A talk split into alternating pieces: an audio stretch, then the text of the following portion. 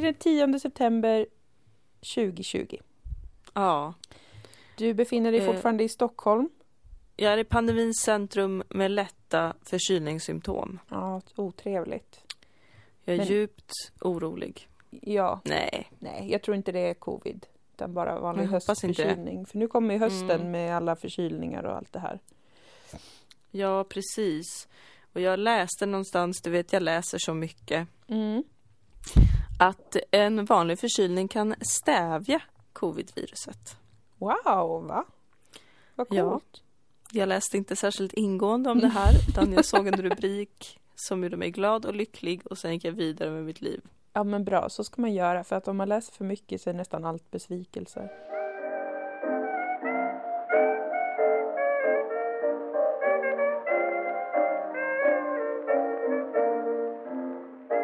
Var är du någonstans? Jag är i Malmö i din och Mm. min lägenhet i Sofielund. Ja. Jag ligger på min säng bredvid hunden. Eh, Berse. Ah.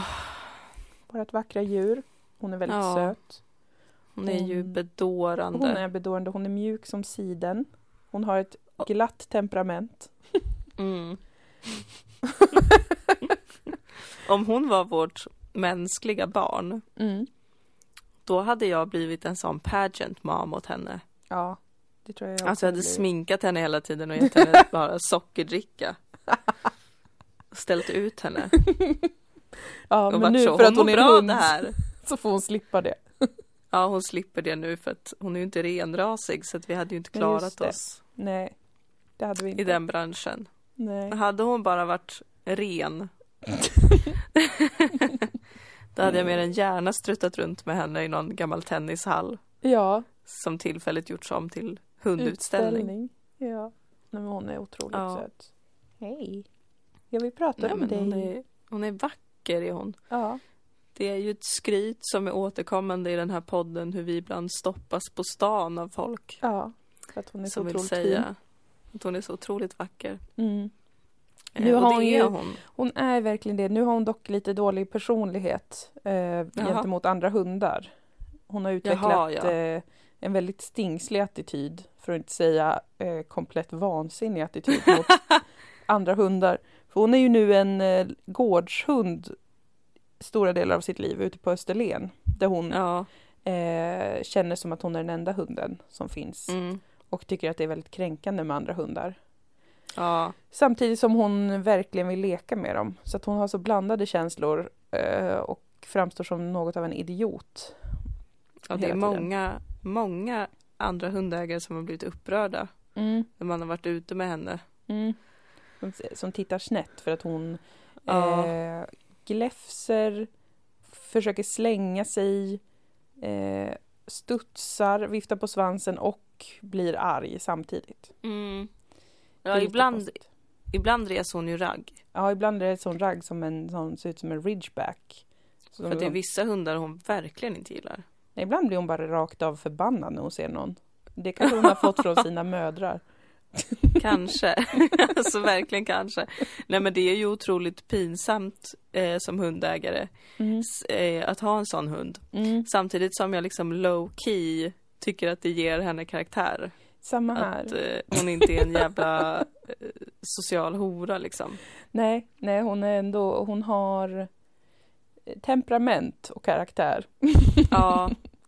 Plus att min far berättade för mig att, för han är ju av den gamla skolan, Mm. där man är så här en hund är en hund, Ja, sluta gulla med den, ja, den ska vakta gården. Där Ja. vi har 50 får och två hästar. ja. Och han berättade ju för mig om hur hundarna var när han var liten och att liksom kom det en hund från en annan gård eller en annan by, då var det ju alltså slaggis på riktigt. ja dödsslaggis. Ja, vår hund är ju inte aggressiv på det sättet att den skadar andra hundar. Vill Nej. jag bara understryka. Utan Nej, det är hon kaxar inte. ju bara. Hon kaxar, verkligen. Men eh, de hon- började ju typ mm. ha ihjäl varandra, berättade han. Ja, hundar kan ju vara riktigt stingsliga. Om de, De ska inte beblanda sig. Nej, de har sin flock. Och den är de Ja. lojal mot. Och alla andra kan fara åt helvete. Verkligen. Så jag tänker att hon är en sån cool kurdisk bergshund. Ja, ja bara, det "Fuck är du! bitches." Men som jag säger, otroligt snygg. Ja, ja det är också. Ja. ja men det ska hon ha. Det måste hon få. Ja, nej, men så jag är hemma och jag har varit på resande fot i em, eh, under ganska många dagar. Jag åkte upp till Umeå i fredags Mm. med eh, alla mina systrar för att mina föräldrar har sålt em, sin sommarstuga som Mm. de har haft i 42 år. Som alltså jag och alla mina Va? systrar har eh, spenderat mycket tid i. Det är så länge alltså. Mm. Det är ett litet hus en timme från Umeå vid havet. Vid Bottenviken. Som min Jo. far har byggt med sina egna händer. Enligt min mor så satt han på biblioteket i ett helt år och sen byggde han det av eh, gammalt virke från olika eh, återvinningsstationer. Wow. Så det är en legend som jag gärna för vidare. Jag vet inte om det var exakt så, men jag hoppas på det. Jag bestämmer att det var så. Ja, vi bestämmer det. Men nu Ja. så är mina föräldrar båda två i 70-årsåldern och alla deras barn bor i södra Sverige och de har även nu eh, för, de har byggt ett annat hus eh, som de ska ha Mm. i södra Sverige där vi kan ses lite lättare och där mamma växte upp. För att det här är ju sjuk, sjuka nyheter kanske. Min mamma är inte norrlänning, hon är sörmlänning. Det är hon ju. Ja, hon kommer från en bondefamilj, som det heter, Mm. i Sörmland. Ja. Men har bott i Umeå från att hon var typ 20 kanske. Eh, I 50 år typ. Min pappa är från innersta Västerbotten, Storuman. Just. och Ja. bott i Norrland hela livet. Men mamma är egentligen alltså från Sörmland och nu så, så fick, ärvde hon en tomt där. Av, Ja. eh, sin, från sin familj, eller vad man säger. Jag vet inte Ja. vad sånt här heter, men it's a family affair. Så att eh, då så har mina föräldrar ett hus i Sörmland nu istället. Och då behövde de sälja gött. det här eh, i Västerbotten, för de har ju även ett hem i Västerbotten. Mm. Ehm, Ja, så då- de ska inte avbefolka Umeå totalt. Nej, nej, vi har kvar Umeå. We always have Umeå. We'll We always, will have, always Umeå. have Umeå darling. Men eh, våran då eh, sommarstuga där blev nu såld. Mm. Så då var vi uppe i Umeå hela familjen för att hjälpa till att flytta saker och ta förväl. Vi tog en förvälbastu och badade i Bottenviken. Det var vackert. Mm. Eh, och mysigt. Och eh, sen skulle jag till Stockholm. Känslosamt Ja, kanske? ga- ja, lite. Jag tror att jag eh, stängde av lite. Mm. För jag tycker det är så märkligt det där. När saker och ting Jo. förändras. Men man behöver väl inte gå runt och hålla på och hålla på och hålla på och grina och, och, och vara sådär extrovert hela tiden. Det kan väl få kännas på insidan men det behöver inte alla veta om. Precis alltså, det är min Jo. filosofi. Jo, så är det. Och, nej men så att jag, jag reste upp dit med nattåget och sen skulle vi ta nattåget hem, eller jag skulle ta nattåget till Stockholm och sen vara på inspelning i Stockholm i måndags. Men Mm. då kom det inget nattåg för att det var något fel på det då. Mhm. Så då fick jag panik boka en flygresa i måndags morgon klockan sex för att Nej, hinna till inspelningen. Eh, för det är ju när man spelar in tv är det ju så att om man, inte, om man blir försenad en timme så kostar det kanske tre miljarder kronor för att det är, Mm. så, det är så tajt schema och man förstör allas liv om man skulle, om man skulle bli sjuk eller försenad eller sådär. Mm. Så att då flög jag och så sen så var jag där över dagen och spelade in och sen i tisdags åkte jag tåg tillbaka till Malmö. Och nu är jag här och har kommit hem och fick ett fruktansvärt migränanfall igår. Nähä, vad otroligt otippat. Visst var det det. Jag Att vaknade och du, bara... drottningen mm. av att slippa resa och framförallt flyga, mådde dåligt av det. Ja herregud, jag, det var så himla vedervärdig migrän. För att det var så här, jag, jag vaknade kände mig ändå så här, vad stark jag är. Just idag är jag stark. Ja, idag kanske jag ska göra lite nyttiga saker och sånt där. Städa och fixa. Mm, Det är mm, lugnt med jobb. mm. Men så gick jag ut med hunden och kände varför snurrar eh, exakt hela världen? Eh, Mm. Och varför vill jag spy lite grann? och sen så upptäckte jag, jag ser ju inte heller så värst bra nu. Utan nu försvinner ju saker ur mitt synfält och är istället en ljus blixt. Och Mm. då föll polletten ner att nu eh, är det migrän på gång. Mm. Så jag rusade hem, pregade i mig Ipren, för jag hade inget Ja. annat. Så la jag mig på sängen med en kudde över ansiktet så det skulle bli mörkt. Och jag var så stressad för jag vet att det liksom minuterna räknas för att försöka förebygga att det bryter ut totalt. Alltså antingen Ja. försöker man somna eller så tar man, om man har sådana starka läkemedel som nässpray och eh, sumatriptan och sånt där. Mhm. Men det hade jag inte. Så då gjorde jag en, en 20 minuter lång meditation. Sen så Mm. kände jag bara, det, det, det hjälper inte. Det, gör, Nej. det börjar liksom spränga. Och då satt jag, jag liksom kallsvettades, var yr och blind och hetsade in på Youtube och satte på så här eh, relaxing gong gong meditation eller typ någon sån tre timmar lång gong gong musik. Wow. För att jag tänkte, det, det, något måste det ju ha om alla håller på med det. Tänkte jag Ja. i mitt förvirrade, panikslagna migränläge. Och Ja. faktiskt så somnade jag då till gong-gong-musiken och sov i två timmar. Nämen, Mm. och när du vaknade då? Då hade jag inte ont, men jag förblev eh, hjärnskadad hela dagen. Alltså jag var liksom, jag hade så här, eh, som att någon har tryckt in bomull som gör lite ont i hjärnan. Mm. Mm. Och det gjorde ont att resa sig. Då gick, gjorde det ont Men i huvudet. gud. Så jag var groggy Men- hela dagen faktiskt. Det var ett riktigt sånt gräsligt migränanfall. Ändå ett succétips för alla där ute som har migrän. Att eh, gå in på Youtube och lyssna på gong-gong eh, musik. Mm, mm. Vad nu det är. Alltså jag vet inte, men det är typ så här. Det finns ju vissa meditationer till sånt ljud. Alltså bara att vissa ljud ska vara avslappnande för en. Ja. Jag vet verkligen inte. Eh, men det Nej. funkade ju för mig igår. Men jag Ja. gjorde också väldigt mycket, alltså det låter ju vidrigt men eh, jag har, jag har läst mig till att när man hanterar eh, smärta så kan det vara bra att själv göra ljud.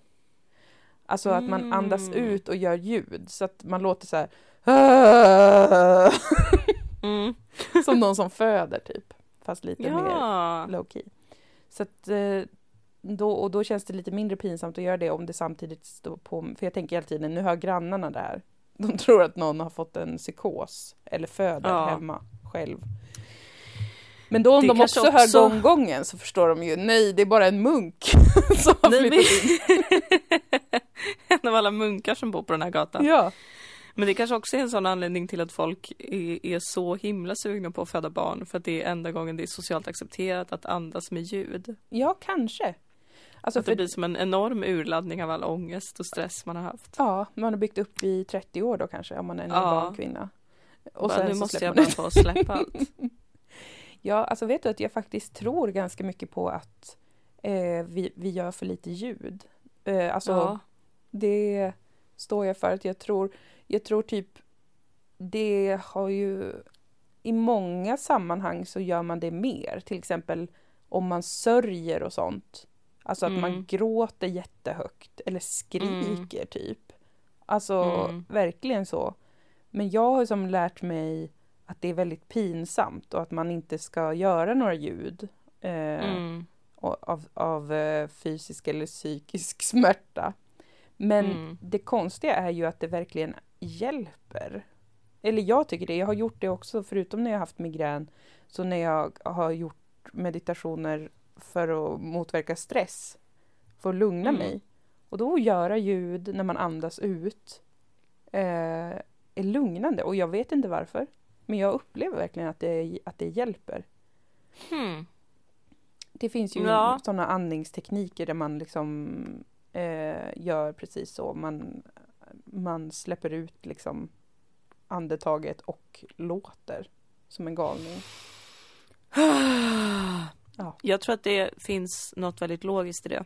Visst, ja, visst måste det väl göra det va? Ja men att uttrycka sig. Mm. Alltså vi lever väl också i en tid LOL i hela LOL-brallan. Det känns som att jag säger så hela tiden. Men det är för att det är sant, vi lever ju i en tid.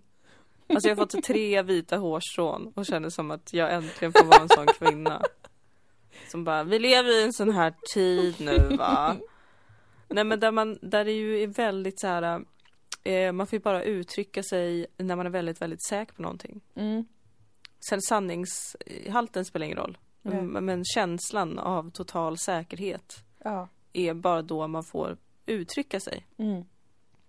Ja, visst. Och jag tror Det är att sant. det kanske påverkar oss ju såklart psykiskt också. Det Ja, finns inga andra uttryck för ljud från kroppen. nej. Precis. Och det är ju som en, eh, alltså av smärta av olika slag. Det byggs ju som upp i kroppen på Mm. något vis. Det är lite abstrakt men det är ändå som att om det får ta plats så blir det som att man kan bli lite avlastad jämfört Mm. med att eh, knipa ihop det. Mm. Alltså typ att gråta högljutt och sånt. Det tycker jag är ju Mm. jättepinsamt. Alltså jag eh, gråter nästan aldrig tror jag bland folk. Mm. Eh, ens bland de närmsta i mitt liv. Så jag verkligen håller du, håller du. Även Mm. typ när man kollar på film och sånt. Och jag egentligen är ju alltså extremt bölig. Alltså jag är ju så bölig så att det finns ingen hejd.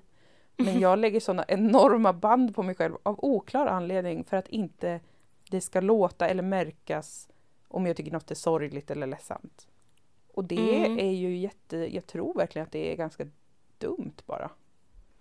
Ja, det är väl nästan eh, farligt till och med. Ja, det känns som en sån som leder till att man sen får en stroke bara. Ja, det där pratar man ju mycket om med män. Ja, just det. Att alla är så här, åh män är så himla inbundna och de uttrycker aldrig sina känslor, de gråter inte och sen helt plötsligt så får de ett psykbryt och Ja. mördar hela sin familj. det är ju en rolig historia man Ja. ofta berättar om den stora, stora gruppen män. Mm. Eh, men det känns som att det är lite samma med kvinnor också för att man inte vill vara den hysteriska känslosamma kvinnan. Mm. Att man liksom ska hålla massa saker inom sig Ja. Så och inte, det är för mycket inte bara böla lite. Mm. Ja, Och att det liksom är som att det är så otroligt farligt eh, med eh, alltså antingen smärta eller både smärta och liksom sorg eller att bli berörd. För det är ju inte alltid man gråter för att man liksom är ledsen, ledsen. Man kanske bara är väldigt, man blir överväldigad av känslor mm. och gråter. Mm. Eh, och som att det liksom är otroligt farligt och det tillhör inte eh, ett normalt bra liv. Utan i ett normalt bra liv så ska man inte gråta om det inte är så att man just har blivit liksom mördad. Precis. Mm. Eh, av någon med en eh, såg. Alltså att det Mm. liksom är, eh, det ska inte vara så bara. Att man Nej, typ och man ska grina. inte känna sorg i onödan heller tror jag. Nej just det, det är mycket det ja. Att det är som att, Att det kan det- vara dumt bara. Ja, precis. Att det är liksom, nej men man ska inte gråta över spilld mjölk. Nej precis. Det är ordspråket. Ja. Eh, sitter djupt Mm. i varje människas psyke. Ja, också Fast man kanske ja. kan få gråta lite. Ja, för Om att, man har spilt lite mjölk till ja, och med man bara. kanske jätt, var jättesugen på mjölk. Och nu Ja. blev det inte så. Man kunde inte kontrollera situationen. Men man Nej. spillde sin mjölk. Om man drabbas av alltings oförutsägbarhet. Ja, precis. Och hur liten man är i universum. Det Ja. där har ju folk hört av sig till oss om också med PMS. ja. Jag minns att någon skrev till oss någon gång att liksom Jag tror att du hade pratat om att du hade haft PMS och, och bara gråtit över jättemärkliga saker. Mm, någon duva typ. En duva och tonåringar som hade på sig sina finaste fula jeans på Malmöfestivalen. Ja just det. Att det var någon som skrev att den hade tappat ett ägg eller någonting. Mm. Och bara totalt brutit ihop. Och det där får mig att tänka på, och som jag ofta tänker på som är eh, Egalias döttrar. Och jag vet inte om jag har fa- fabricerat det här minnet ur den boken. För jag har bläddrat i den och försökt hitta den sidan igen, men jag hittar inte. Men bra, du har skrivit Eh. liksom en eh, fanfiction för dig själv. Ja, exakt. Mm. Eh, men där då matriarken, mamman i den här centrala familjen i boken Därför er som inte har läst Egalias döttrar, den är jättebra att läsa Mm. tycker jag. Mm. För att det är ju en bok där de lever i ett mat- alltså allt är som i ett patriarkat fast det är ett matriarkat. Mm. Och det är kvinnor som styr och män som är förtryckta och så vidare. Mm. Eh, och att mamman då, och det är här jag inte vet om jag har fabricerat, men mamman förklarar att varför kvinnor är så arga när de har mens. Mm. Och att det är för att det är då de är som mest klarsynta. Mhm. Och såklart blir man förbannad när man ser allt för vad det är. Ja. Och så känner jag med PMS och med Mm. mens. Mm. Och att kanske man ska öppna de ventilerna lite mer alltid istället. Ja, faktiskt. Jag tror Ja, det. Reclaima PMSen, det Ja. är min superkraft Ja. och inte en svaghet. Ja, men det är eh, intressant att tänka på detta för att visst är det väl så att alla människor varje dag i sitt liv upplever olika starka känslor, mer eller mindre starka beroende på var man är i livet och vad som har hänt en och sånt där. Och då är ju det sättet, det vill säga att förpassa alla uttryck för de känslorna till när man antingen då kan hitta ett fy, en fysisk förklaring, typ jag har mens. Eller Mm. jag föder just nu ett barn, det är därför jag skriker. Mm. Mm. Om man hela tiden bara legitimerar uttryck för sådana abstrakta eller eh, konkreta känslor av smärta eller sorg till de tillfällena så är det som att då måste det ju alla andra gånger när man känner det fast bara i mindre skala, kanske bara över att man eh, blir eh, chockad över en känsla av att man är så liten och man inte förstår något och alla kommer dö, vilket är sant. Mm. Mm. om man inte då låter det bara få vibba igenom ens kropp och ens sinnen Mm. utan bara nej, nej, nej, nej, då måste det ju Mm. bunkras upp igen. Det, finns, det är ju alltid så med känslor, tycker jag, det verkar det är det som. väl absolut alltid. Så Det är min erfarenhet i alla fall. Ja, det är ju inte som att de bara sen är borta och, och man aldrig har känt det, utan man, det uppstår ju då. Nej, det är väl då man får ångest istället. Som Ja. jag har börjat förstå det. Ja, precis. Eller blir riktigt arg kanske. Alltså att det kommer Ja. ut i något annat sammanhang. Jag har ju märkt att jag blir väldigt arg av att vara stressad. Eh, Det är ju ganska vanligt också. Mm. Eh, när man känner liksom att man blir överväldigad. Det är för många Mm. saker och man har inte kontroll över sakerna som händer eller det ja, något oförutsett. Jag blev väldigt stressad då när nattåget inte kom i söndags. Ett väldigt aktuellt exempel. Mm. Då var jag ju ursinnig. Mm. över att eh, Sveriges infrastruktur och eh, bla bla bla.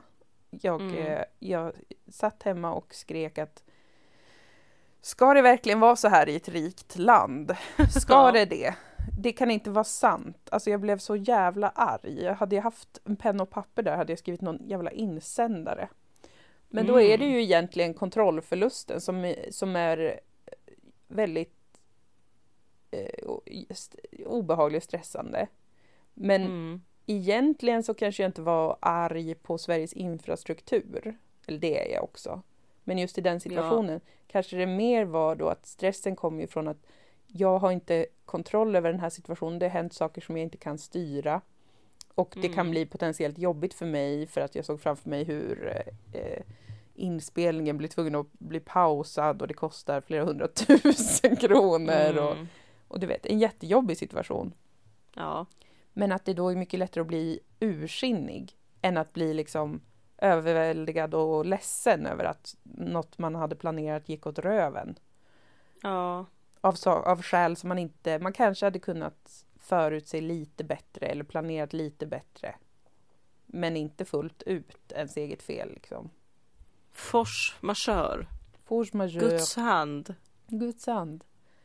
Och då funderar Finns jag på också det med i nu. leken. Mm. Mm. Att om det egentligen, den ilskan egentligen är liksom en, en uppbyggd känsla av press att kunna planera och fixa saker och när, inte, när jag inte kan det så är, blir jag egentligen ledsen och känner mig dålig. Men för att slippa känna det så blir jag istället arg. Väldigt arg. Så kan det ju vara. Ja, man vill väl gärna placera ut en skuld någonstans. Mm. Jag kan känna så mycket när jag blir arg och vet att det är ingen idé att bli arg över det här. Mm. Alltså typ som jag har känt mycket nu att jag har, jag har haft nära till raseriet när det har kommit just covid. ja.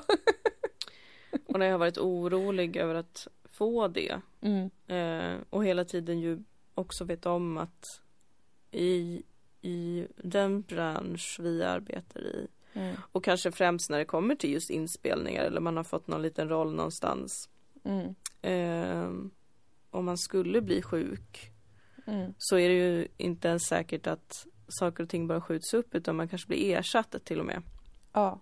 och då förlorar ett jobb. Alltså Mm. det är ju inte så att man kan liksom Ja men jag sjukanmäler mig några dagar och sen gör jag det där sen. Det finns Nej. liksom inte. Nej. Och att jag då har blivit arg när jag har varit orolig över att bli sjuk och blivit så här, "Aj, om jag blir sjuk då kommer jag aldrig förlåta Mm. eh, typ min familj för att de vill att jag ska komma hit. Mm. Eller så här, mig själv för att jag har tackat ja till ett jobb för att jag behöver pengar. Alltså Ja. att det återigen är det här som jag pratat om mycket att för att acceptera en kontrollförlust är också att acceptera att vi lever i ständig ovisshet Mm.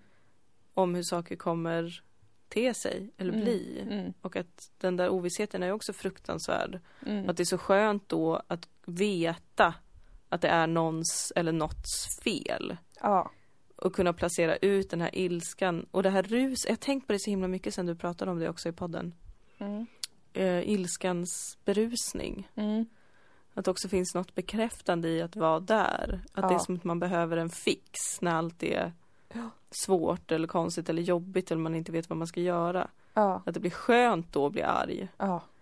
Ja, verkligen. Tripp. En liten, Man, man får eh, trippa lite. Ja, istället för att vara osäker och, och ledsen. Eller besviken eller vad det än är. De är mycket svårare att ha tillgång till, de känslorna. De ger inte heller samma rus, verkligen. Nej. Nej. Annars får man ju befinna sig i något konstigt vakuum Ja. emellan fem minuter och kanske några dagar Ja. tills allt har löst sig. Ja. Vidrigt är vad det är.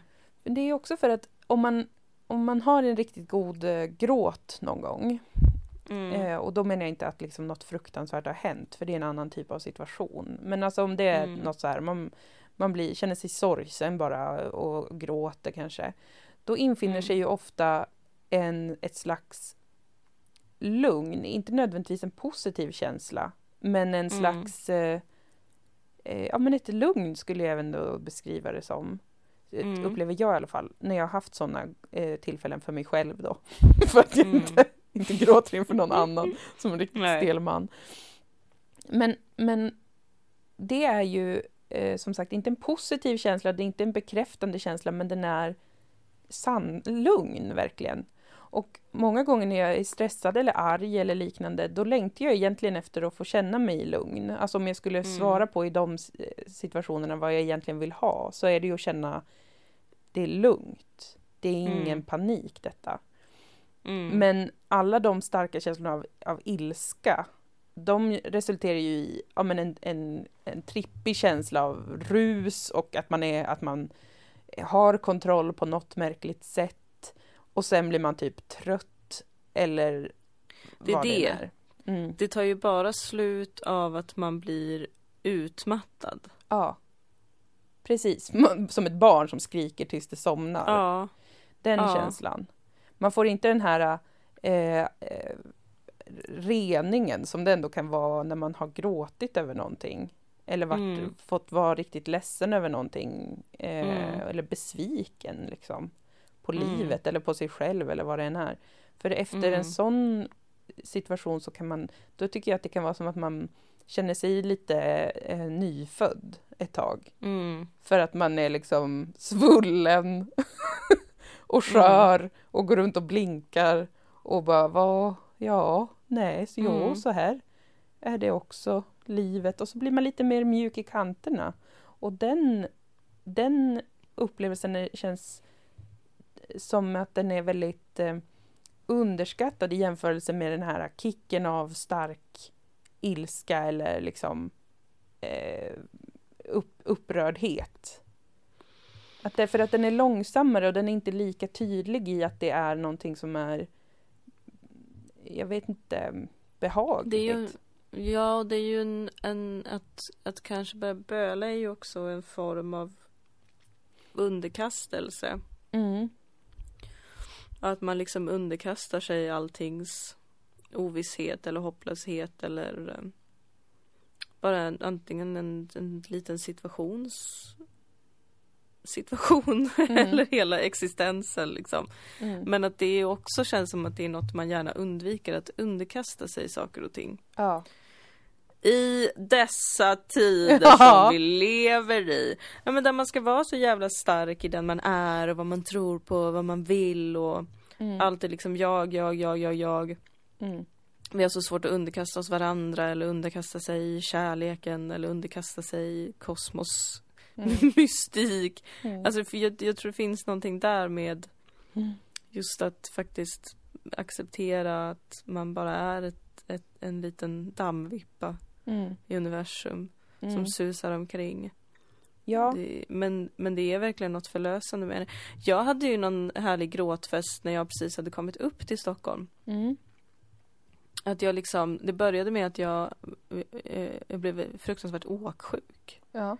i bilen. Åh nej. Mm. Och alltså, min pappa hade också fått en doftgran av mamma.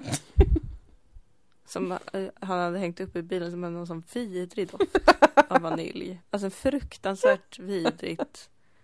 Alltså jag mådde så dåligt av det och han har liksom inte hjärta att slänga det för han har fått det av mamma. Ja. Bla, bla, bla. Ja. Han vill inte att hon ska bli ledsen. Ja, gifta människor. Och så kom jag hem och liksom slutade inte må illa och jag blir ju så direkt bara, nej men nu har jag ju fått covid liksom. Mm. Och blev arg först och sen eh, började jag bara gråta. Mm. För att jag var rädd Mm.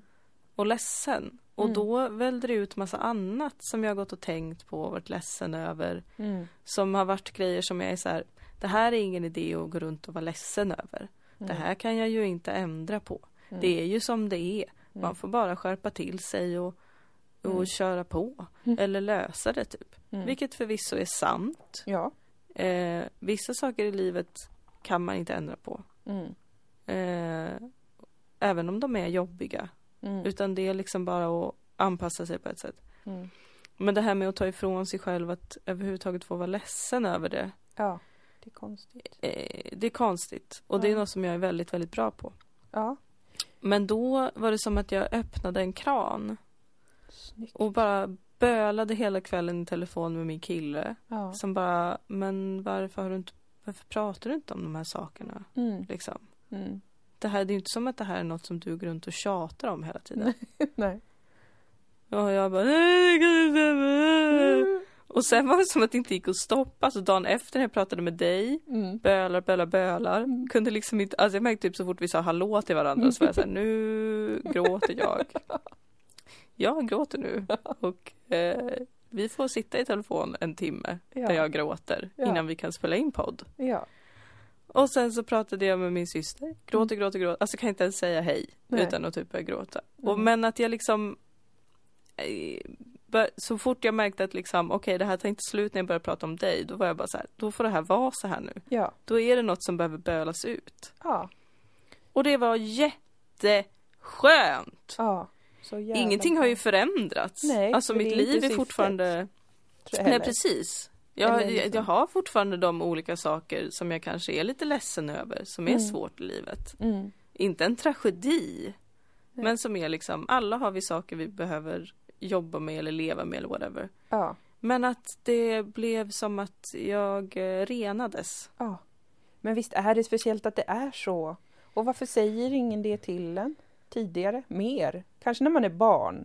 Att eh, om man har tur och har bra vuxna runt sig, att det är så här, Ja, att det är okej eh, att känna sig ledsen eller att bara behöva bli hållen eller allt det här. mm. Men jag tror ännu fler växer upp med att så fort man inte är ett litet barn längre, alltså som bara är Mm. irrationellt och springer in i olika kanter och gör illa sig, då, ja. då är det ändå som att det finns en sån påförd rädsla av de äldre generationerna att eh, uttryck för att man är ledsen eller överväldigad eller vad det än är. Det är liksom farligt Ja. och dåligt och det ska hållas borta.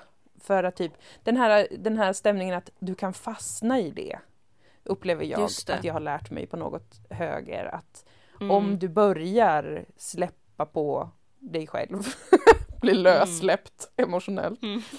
så kanske du fastnar i det typ. Att du skulle kunna Mm. bli en dålig medborgare som bara går runt och grinar och tycker synd om dig själv och aldrig kan ha ett jobb eller vänner eller någonting. Just det. Att det måste vara Aldrig något... kan bli tagen på allvar. Ja precis, precis. Att det måste varit eh, en äldre generation har försökt skydda vår generation från, från något som kanske var deras verklighet mer. Men som Mm. eh, riktig progression måste ju innebära att, man, att människor kan få lära sig att det inte är farligt. Och att det är Mm. tvärtom farligt att hålla på och stänga ner allting hela tiden och vara livrädd för att man ska bli ensam av att uttrycka sina känslor. Eller bara vara Ja, uttrycka känslor. något som är fundamentalt mänskligt. Ja, Alltså det är ju inte som att om alla människor föds med det känsloregistret, mm, med vissa undantag kanske, mm. så är det ju rakt konstigt att det ska trängas undan och inte få finnas. ja det är jävligt eh, dålig stil egentligen faktiskt. Ja, Men för att det också är liksom, ja men precis, det är fundamentalt i, i våran tillvaro bara. Att vi har inte, vi förstår, ingen vet någonting riktigt varför vi finns Mm. och vad som händer sen. Vissa, vissa tror ju att de vet det kanske och då kanske det är skönt för dem. Sådär. Men, mm. men de flesta känner ju verkligen, ja, vi har ingen aning varför vi Mm. finns och allt det här. Och att vi är ute, eh, reser runt på en planet. det är ju skitkonstigt. Alltså så. Eh, och sen bara, Mm. men det ska du typ inte känna för att då kommer du bli deprimerad. Typ, eller Ja. hysterisk. Men som en person som har varit deprimerad så kan jag ju informera om att det är en totalt motsatt reaktion med depression. För då, då stänger man ju av så mycket att man inte känner sig i kontakt med nästan någonting och man blir Ja, helt visst. emotionellt isolerad. Även Ja, från visst. sig själv i princip. Man är bara som ett konstigt eh, ledsamt skal Mm. som bara vill stänga av ännu mer och så kommer man till en punkt där man kan inte stänga av mer. När man försöker, Mm. man, man slutar eh, göra saker man tycker är kul, man känner sig inte inspirerad till någonting, man känner sig inte pirrig av någonting. Mm. Det är ju, alltså att, att gå in i en depression är ju en process av att stänga av mer och mer och mer. Inte att Exakt. känna mer och mer och mer. det är verkligen Nej men det är det motsatt. som är så himla, verkligen jättekonstigt. Att, Mm. att sprida den bilden. Hör ni Mm. det äldre generationen? Ja, om det nu det? är ert fel. Nej men för verkligen, de, de gånger jag har hamnat i depression går ju att härleda extremt tydligt Mm, till de perioder i livet där jag bestämmer mig för att stänga av allt. ja. Och absolut inte få gråta. Mm, Eller bli glad nej. över saker för att det Nej. inte är någon idé, bla bla bla. Ja. Det, det är Ja, det är verkligen väldigt- en praktik i att eh, stänga ner eh, hela sitt känsloliv och sen har man ingenting kvar och är helt, eh, verkligen helt ensam. Eh, Ja. och det är fruktansvärt. Det är ju det värsta alla kan tänka sig ju. Att, att uppleva att man är helt själv. Och att det inte Ja. betyder, att inget betyder något. Alltså det är vidrigt ju. Det är ju klart man får eh, hamnar i ett riktigt jävla helvete av, av det. Medan som man tänker sig att man öppnar upp mer och mer så kan man också knyta an till andra personer emotionellt i att så här, ja men just det, det här är ju något som de allra flesta upplever och känner mer eller Mm.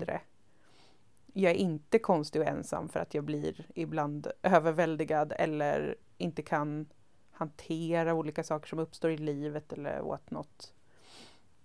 Så det är verkligen det motsatta som behöver mer av. Mer sådana eh, folk som börjar grina rakt ut eh, och, och äger det.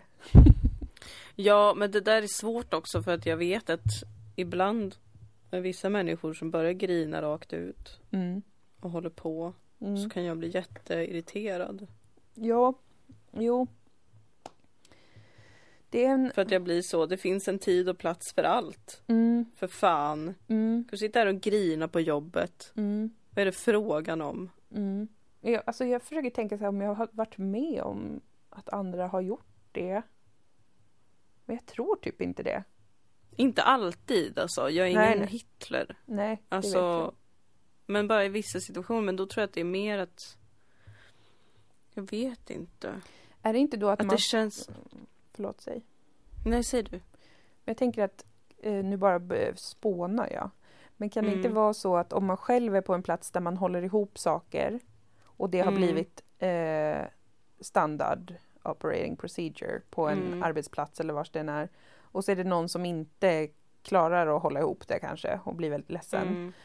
Eller börjar gråta då. Och att man själv som en person som håller ihop det eh, blir hotad av det. Mm. Ehm, för att man själv liksom inte varken vill eller kan ge uttryck för de sakerna som den personen kanske ger uttryck för. Mm. Alltså att det blir en stress i en, att man säger men sluta nu för att det. det. Det, här kan dra med mig till en plats Mm. som är väldigt eh, obekväm för mig. Jag har ju ordnat det bekvämt här nu, att jag är tyst om det här.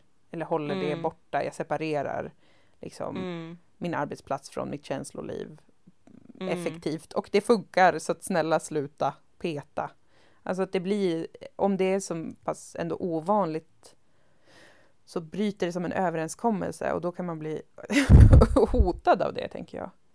Jag, Mm. jag kan ju typ känna så när jag kollar på film på bio, vet jag. Och Mm. eh, någon, någon som sitter nära mig eh, uppenbart liksom gråter för att det är sorgligt Mm. så kan jag bli liksom arg eller känna mig trängd. Att jag vill gå därifrån. Mm. Det har hänt alltså minst två gånger som jag kan tänka på. Den tydligaste var när jag såg Håkan Hellström-filmen.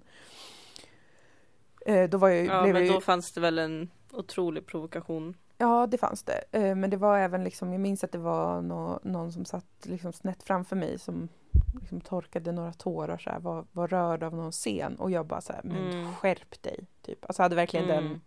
en instinktiv känsla av bara, vad håller du på med? Sluta. Mm. För att jag blev ju hotad av det. För att jag satt där och egentligen var liksom djupt kränkt då. Jag var ju ledsen för att jag tyckte den var så dålig. Mm. Men jag blev jättearg istället. Men... eh, Jag minns att jag Mm. tänkte på det där här om dagen mm, med liksom det här med att man ska vara öppen och liksom berätta om sina sorger eller få gråta eller liksom dela med sig av saker. mm, Jag tänkte någonting att liksom att det ju också finns ett ansvar i det ja, hos den som delar med sig. ja, Att också veta om att det som kanske är förlösande för mig nu kanske blir något för den andra personen att bära. mm, mm, Alltså jag kan inte veta om jag Säg att jag liksom kommer till, och det här är kanske lite mer i så här arbetssituationer eller någonting. Och nu Ja. är jag en väldigt varm vän av att ha öppna, alltså tillåtande miljöer mm, där man får böla av sig lite om man behöver det. mm, Jag tror att de gånger jag blivit irriterad har också varit dels för många år sedan men också med folk som jag redan har varit irriterad på. ja, ja, nej men jag Av förstår. andra anledningar. Mm, Men att det ändå blir något liksom när man, när man kanske inte är med nära vänner som man vet mm, någonstans kanske kan separera sig själv från en mm, eh, och känner den och vet liksom på vilket sätt man kanske kan vara ett stöd. Men när man är med folk som är lite mer ytligt bekanta eller rent av främlingar eller kollegor. mm, Alltså att man inte kan veta ju vad lägger jag över någonting nu på någon annan? För Mm. jag över den här de här känslorna på den andra personen och vet jag om att den kan hantera det typ. mm. Är det något man ens ska tänka på eller jag vet inte. Men det tycker jag jag kom är aldrig jätte- fram till någonting. Nej men jag tror att det är precis i situationer där man är som du säger, alltså om man tänker sig i en arbetsplats eller i en grupp där man inte har den kanske närheten egentligen utan man, Mm. man är samlade för att man har ett uppdrag som kanske är ett jobb eller vad det än är. Då är det Mm. ju faktiskt en annan sak i det tänker jag också för att det är ju, hmm, jo men jag, för det, det it re resonates with me very much det du säger om att det också är ett ansvar då att liksom att lägga sig platt, alltså att börja gråta Mm. ehm, i en situation och där man inte känner de andra och man utgår från att det här sättet som jag uttrycker mig på eller det här sättet som jag känner känslor är det liksom det, det rätta på något sätt. Alltså det Mm. är det som alla som inte gör detta nu, de är liksom känslokalla eller vad det än är. Alltså att det blir, Mm. att det kan, jag kan tänka mig så här äh, att det, kan, det uppstår en, en makt i det också. Och om man inte kan ta ansvar för det, alltså om man, om man bara lägger ut det, hivar, hovar ut det och låter det Mm. rinna. Så om man är på en arbetsplats till exempel så tänker jag att man, om man börjar gråta och bli överväldigad att man också har ett ansvar i att säga typ nu reagerar jag jättestarkt på det här. För det är någonting som, Mm. som eh, kom upp nu och eh, vi behöver nog prata mer om detta eller det här, eller om det är så här, jag har, det, jag har problem i mitt privatliv och därför är jag väldigt lätt, lätt berörd just nu och jag kanske inte ska Mm. vara med idag. Jag vet inte. Att man har ändå det ansvaret att liksom översätta för folk som man inte känner väldigt väl. För annars så, så är det som att då måste de avkoda vad det är som händer och då blir det ofta med just typ att gråta att det är så här, Åh nej nu har vi varit dåliga eller jag har varit dålig och dum och nu är den ledsen och då måste jag typ eh, hjälpa den eller be om ursäkt eller vad det än kan vara. Mm. Och det kan ju också bli lite skevt. Alltså jag, jag, jag kommer att tänka på för att jag hade en liksom arbe, yrkeskonflikt. Eh, jag tänker inte säga när och med eh, vilket bolag och sådär. Uh-oh. För det får vara privat. Men det var en person som där jag eh, upplevde att jag hade fått eh, fel information om när vi skulle fakturera. Mm. Ehm, och jag blev väldigt, eh, jag blev liksom arg för att jag upplevde att det från produktionens sida hade hanterats slarvigt och att jag som då s- manusförfattare hade fått tvetydig information. Och jag, så jag blev arg och jag tycker rättmätigt arg i det att så här, det här är en, det är en arbetsplats, det är olika intressen. Jag som Mm. frilansande manusförfattare har helt andra förutsättningar än någon som är anställd på bolaget. Mm. Eh, för mig är det liksom en tydlig, det är inte personligt utan det är liksom en yrkeskonflikt som man måste ta. Eller som jag känner att jag Mm. måste och vill ta för att jag vill att eh, för jag har sett så, så många exempel i vår bransch där, där särskilt nya och gröna, både manusförfattare, skådisar och annat, kreatörer blir eh, utnyttjade och man tar deras tid för givet och man ger för lite Mm. pengar och man slarvar från produktionsbolags håll. Det har jag sett många exempel på så jag liksom jag har absolut det med mig och är naturligt skeptisk när jag upplever Mm. vänta nu, det här är inte alls så tydligt eller det här hade inte jag fått tydlig information om eller vad det än gäller.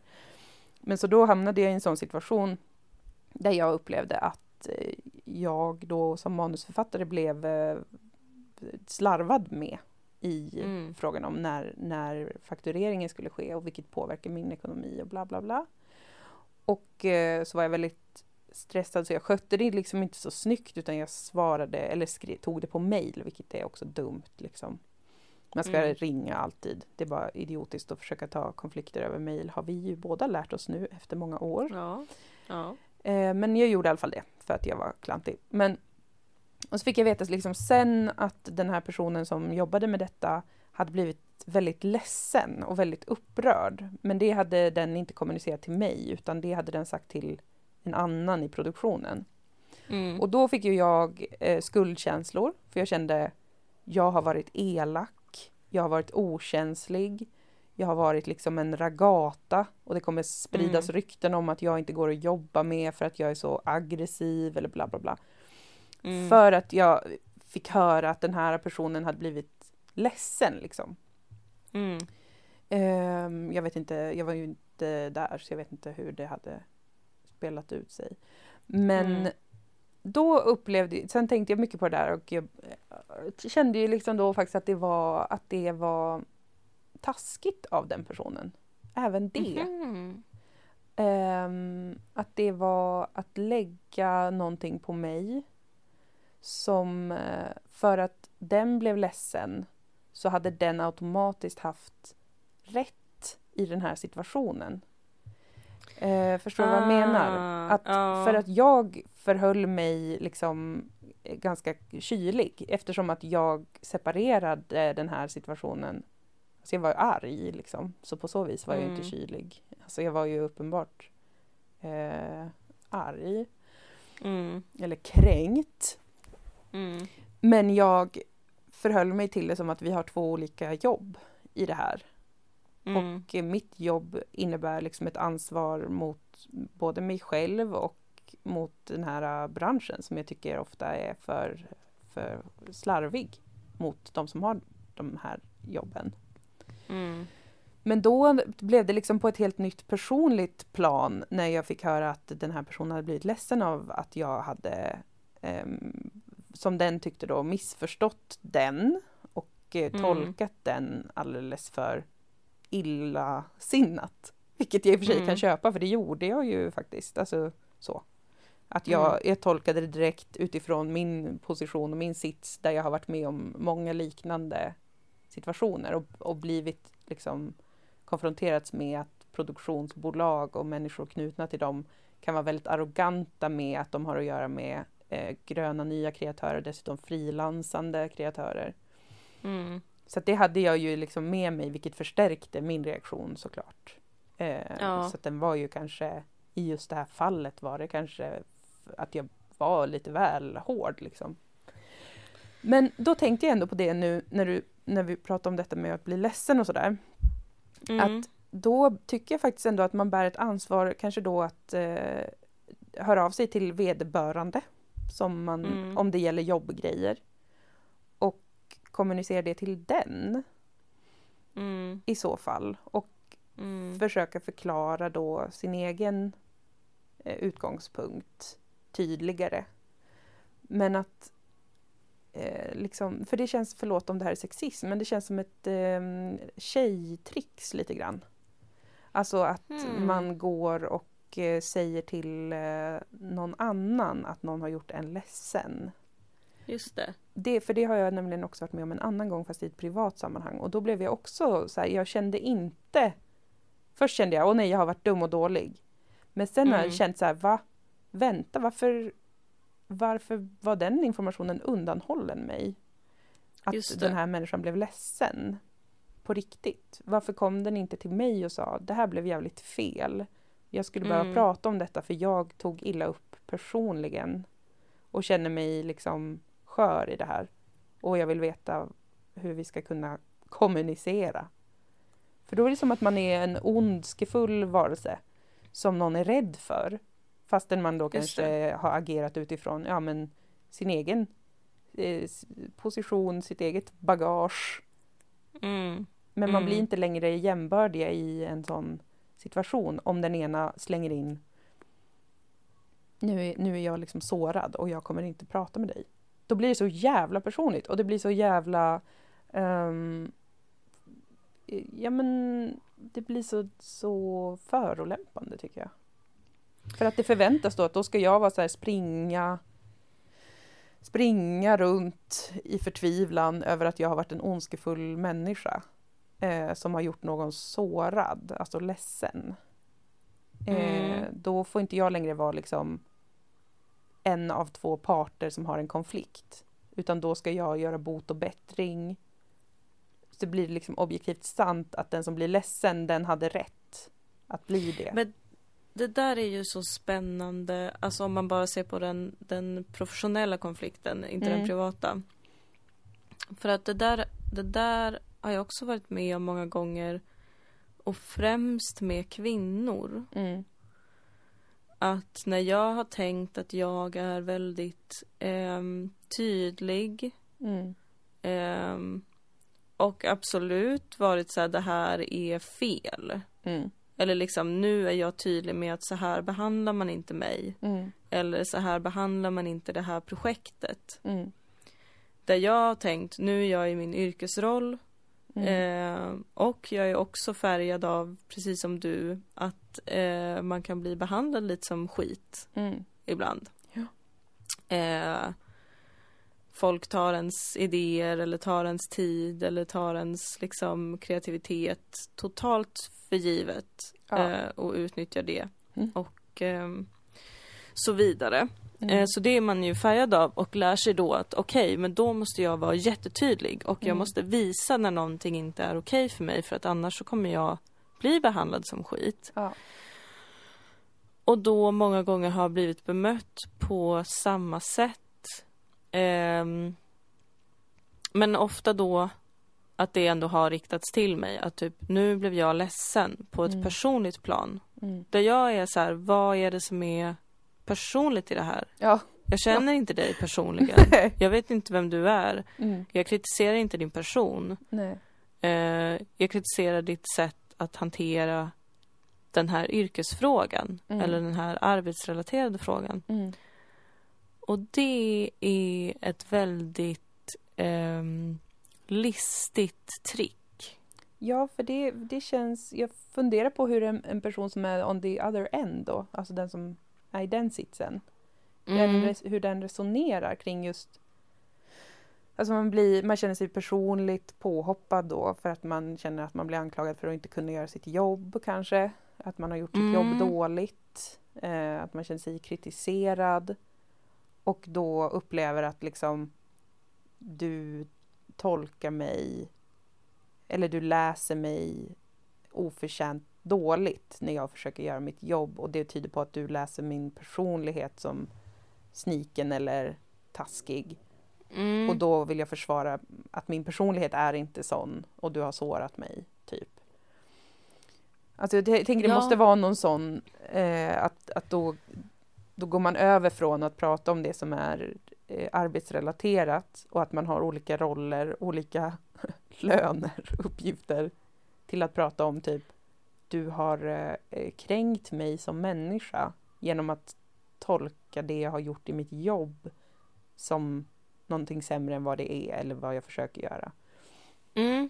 Men det är ändå så här, vad ska, man göra, vad ska jag göra med den informationen då? På vår sida då? Eller på den sidan? Nej, det är det och det blir som en sån, ett sånt omedvetet eh, maktövertag. Ja. För att det flyttar verkligen fokus. Ja. Alltså då flyttar det fokus från eh, jag blir inte behandlad korrekt i min yrkesroll. Mm. Eller jag upplever inte att jag blir det. Och istället för att man då behandlar det och kan komma fram till antingen så har jag inte blivit det. Det är ju situationer där jag har fått, fattat liksom att shit, jag har visst blivit behandlad korrekt. För då har jag Mm. blivit bemött på ett korrekt sätt också. Mm. Och bara nej, så här ligger det faktiskt till. Mm. Där jag kan så här, ah, okej, förlåt. Mm. Jag har missförstått situationen. Mm. Såklart är det så här. Men då flyttar man liksom fokus från det till huruvida jag då är en bra eller dålig person Ja. i min personlighet. Ja. Som jag vet också har alltså fuckat med min hjärna så jävla hårt i Ja. perioder. ja. Ehm, Man kan ju bli riktigt jävla osäker av det för att man, man stannar upp och bara men vänta nu, var det så som den här verkar tycka Mm. att det var? Alltså att jag bara helt oprovocerat var elak mot den som människa. Så blir man ju orolig, för det vill man ju inte vara. Det vore ju jättehemskt. Ja, är jag en elak människa då? Är jag en Mm. sur och aggressiv jävla fitta som borde bara försvinna från jordens yta för att jag kan Mm. inte vara med andra människor. eh, och det har, det har tagit lång tid för mig att förstå vilket listigt knep det är av många ja. eh, att använda sig av.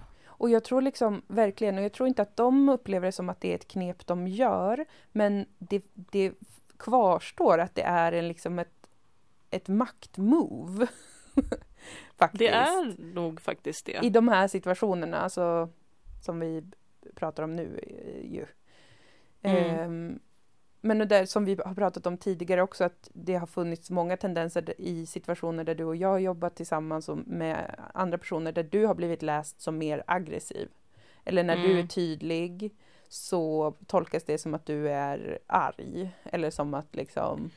Ja, och där har vi ju hela in, rasifierad biten som parts. kommer in också. Mm. Mm. Precis, precis. Det är det jag tänker att det, då blir också väldigt tydligt hur det maktmovet eh, också sker i högre utsträckning mot dig än det har gjort mot Mm. mig i situationer där vi har Mm. varit sam, i, i samma, eh, typ samma position egentligen.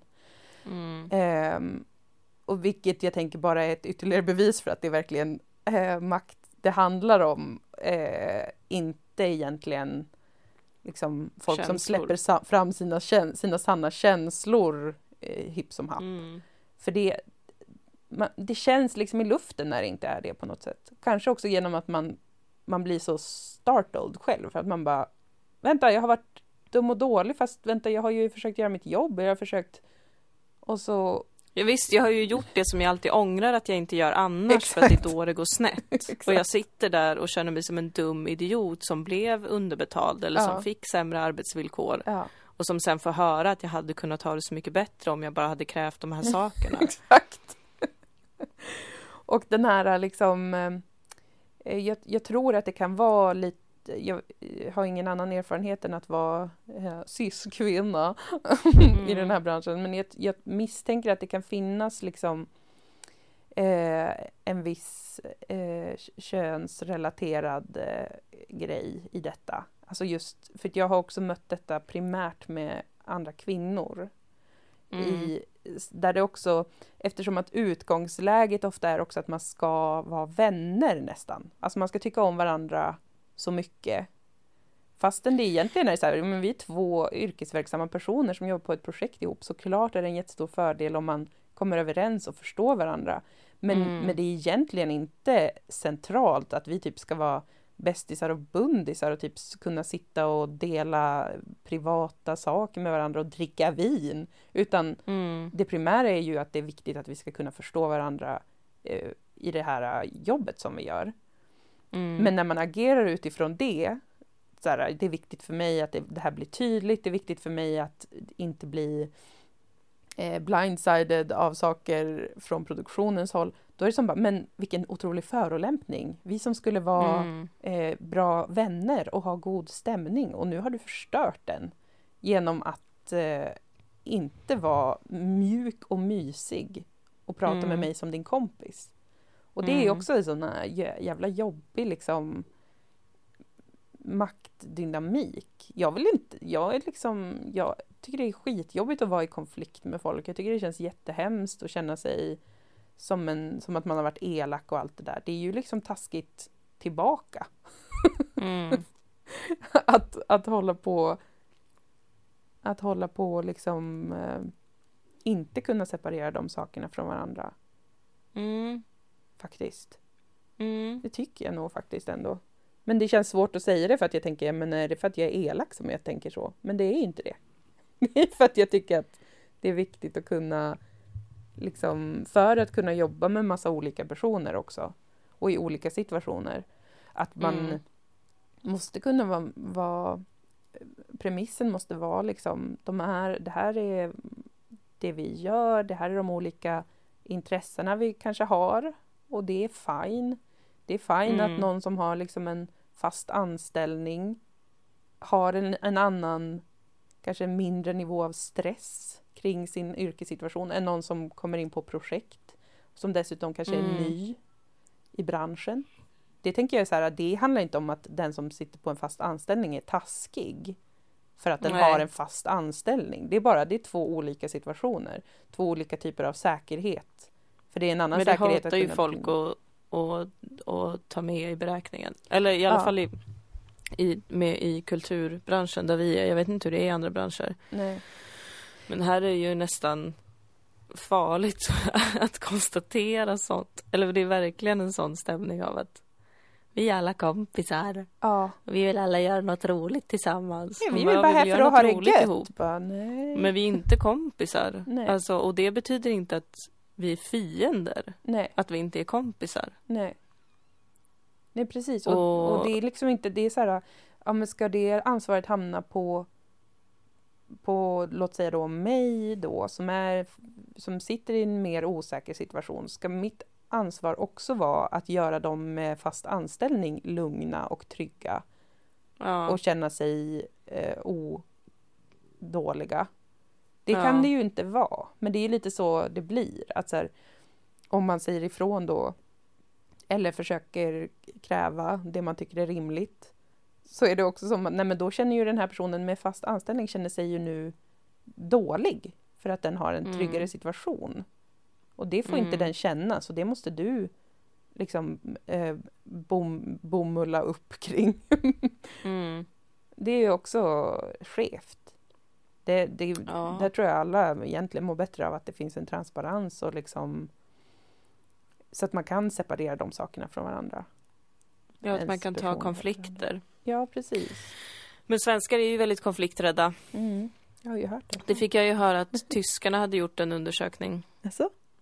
Då man såg att svenskar ehm, inte kan hantera konflikter utan istället eh, kör bil, idrottar och eh, dricker alkohol. Nej, vad finigt. För att få utlopp för de känslorna. Ja. Så är det säkert. Alltså, det känns... Men det, Vi det... är ju också konsensuslandet nummer ett. Mm. Alltså det får ju inte finnas konflikter. Nej. Jag tror att det också är därför det blir djupt personligt. Ja. Ja. Att liksom, oj oj oj, nu eh, höll vi inte med varandra här om Mm. hur det här ska eh, regisseras Mm. eller faktureras Mm. eller skrivas Mm. eller planeras. Mm. Gud vad farligt, herregud. Det måste vara något djupt sjukt på gång. Man Ja. bara, nej, vi håller bara inte med varandra och till slut kommer vi landa i någonting och någon Ja. kommer väl bli lite irriterad av det men alla kommer gå vidare med sina liv och göra sitt jobb. Ja, precis. Man önskar att det fanns en, en större liksom, trygghet i det där. Och det är väl liksom mycket att det måste finnas ett sånt ett tryggare ledarskap då i, i många av så här, projekten som vi jobbar med så är det ju också att den som eh, per definition sitter på en ledarplats Mm. Alltså som håller i pengarna typ. Som kan avgöra och som har sista säg. Att den inte heller vill vara den som är det. Utan att den vill låtsas som att nej men jag är en kompis bland kompisar och vi alla jammar och har det gött och är kompisar med varandra. Mm. Det blir också ett otydligt och ledarskap i många projekt. För att då måste alla förhålla sig till det eller låtsas som att det är det som händer. Fastän det är väldigt tydligt i, i alla delar av processen att nej, det är du som kommer bestämma. Du Ja, kan, visst. du kan liksom släcka detta om du vill eller du kan sparka mig typ. Det, det blir konstigt att inte låtsas om det. Och i en situation där man inte låtsas om att det finns sådana eh, maktpositioner av olika slag så blir det också bara ett till, en till maktdemonstration att göra sådana emotional moves som att Mm. jag är typ din chef men nu började jag, nu kände jag mig sårad av dig. För att du var Mm. elak mot mig när du blev förvirrad eller arg över att du inte fick dina pengar eller vad det än är. Fastän man i många fall, och särskilt för oss som sitter i Malmö, aldrig har träffats. Nej precis, det också. Man bara, I couldn't hate you, I don't know you. I just don't have the slightest clue of who you are, darling. Precis. Men då tänker jag att om man är på en sån person som blir då sårad kanske av någon eh, grön frilansare som man tycker mopsar sig. Då Mm. tänker jag att då får man ju ringa till den personen. Alltså jag försöker tänka problemlösning som en konsult nu.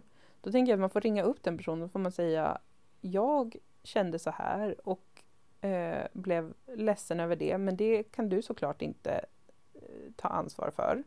Men jag vill att vi ska Mm. reda ut vad som är vad just nu och vad som är problemet. Mm. Men alltså man kan inte bara, jag blev ledsen över detta och så får den, så får det bara vara där. För det är också bara, men nej, så, så det är jättekonstigt gjort. Alltså då får man ju gå hem kanske till sina nära vänner eller någonting och grina. Och bara säga den här jävla Mm. fanskapet höll på att kaxa sig mot mig. Och sen får man komma tillbaka till sitt jobb och ta det som, som en man. Exakt. Alltså nu kommer vi ju få tillbaka jättemycket Stockholmslyssnare som vi har förlorat i förra avsnittet. Ja. För att de älskar ju när, när kvinnor är sura på kvinnor. Som jag ja just det. ja, det är en stor trend eller har varit. Ja, Men ja, den trenden kanske är över nu. jag tror att den har dött. inte. Jag tror att Ah, den har dött. Så också. vi är off topic, eller vad säga. Oh. Men jag vill vara tydlig med då att jag eh, tror de, all, alla de bästa jag har jobbat med också har också varit kvinnor. Eh, helt helt eh, oproportionerligt så är det så. Alltså det är Mm. inte en förfalskning utan alla bästa personer som jag har jobbat med har varit kvinnor. Men de har eh, förfinat det här och kan hålla det separerat. Mer eller mindre. Sen är ju alla människor, jag menar även någon som är chef eller vem fan som helst kan ju ibland ha typ en dålig dag eller vecka eller kris eller sådär. Alltså så Gud, att, ja. det är ju inte att man är ute efter någon slags klinisk militärisk situation där alla jämt gör rätt. Men, men de, de bästa personer jag har jobbat med, you included, där är det ju att man följer upp själv och man känner typ det här blev fel, I'm sorry, jag blev ledsen, jag blev arg. Jag har tänkt på det Mm. nu, kan vi prata om det här nu? Då, då finns det ju med i bilden att här, man Mm. har känslor, man kan ibland också reagera för snabbt eller eh, det är andra saker som spelar in och det blir fel och det Ja, blir och vara osäker på om ifall något är personligt eller inte. Ja, och vara öppen Men med att det. kanske ta upp det då. Typ, Ja. jag fattar inte om det här är Är du irriterad på mig nu? Mm. Eller handlar det om situationen? Eller vad är det som pågår liksom? Precis. Och då tycker jag att det nästan alltid blir eh, bättre, mer liksom tillitsfyllda och mer effektiva samarbeten och situationer.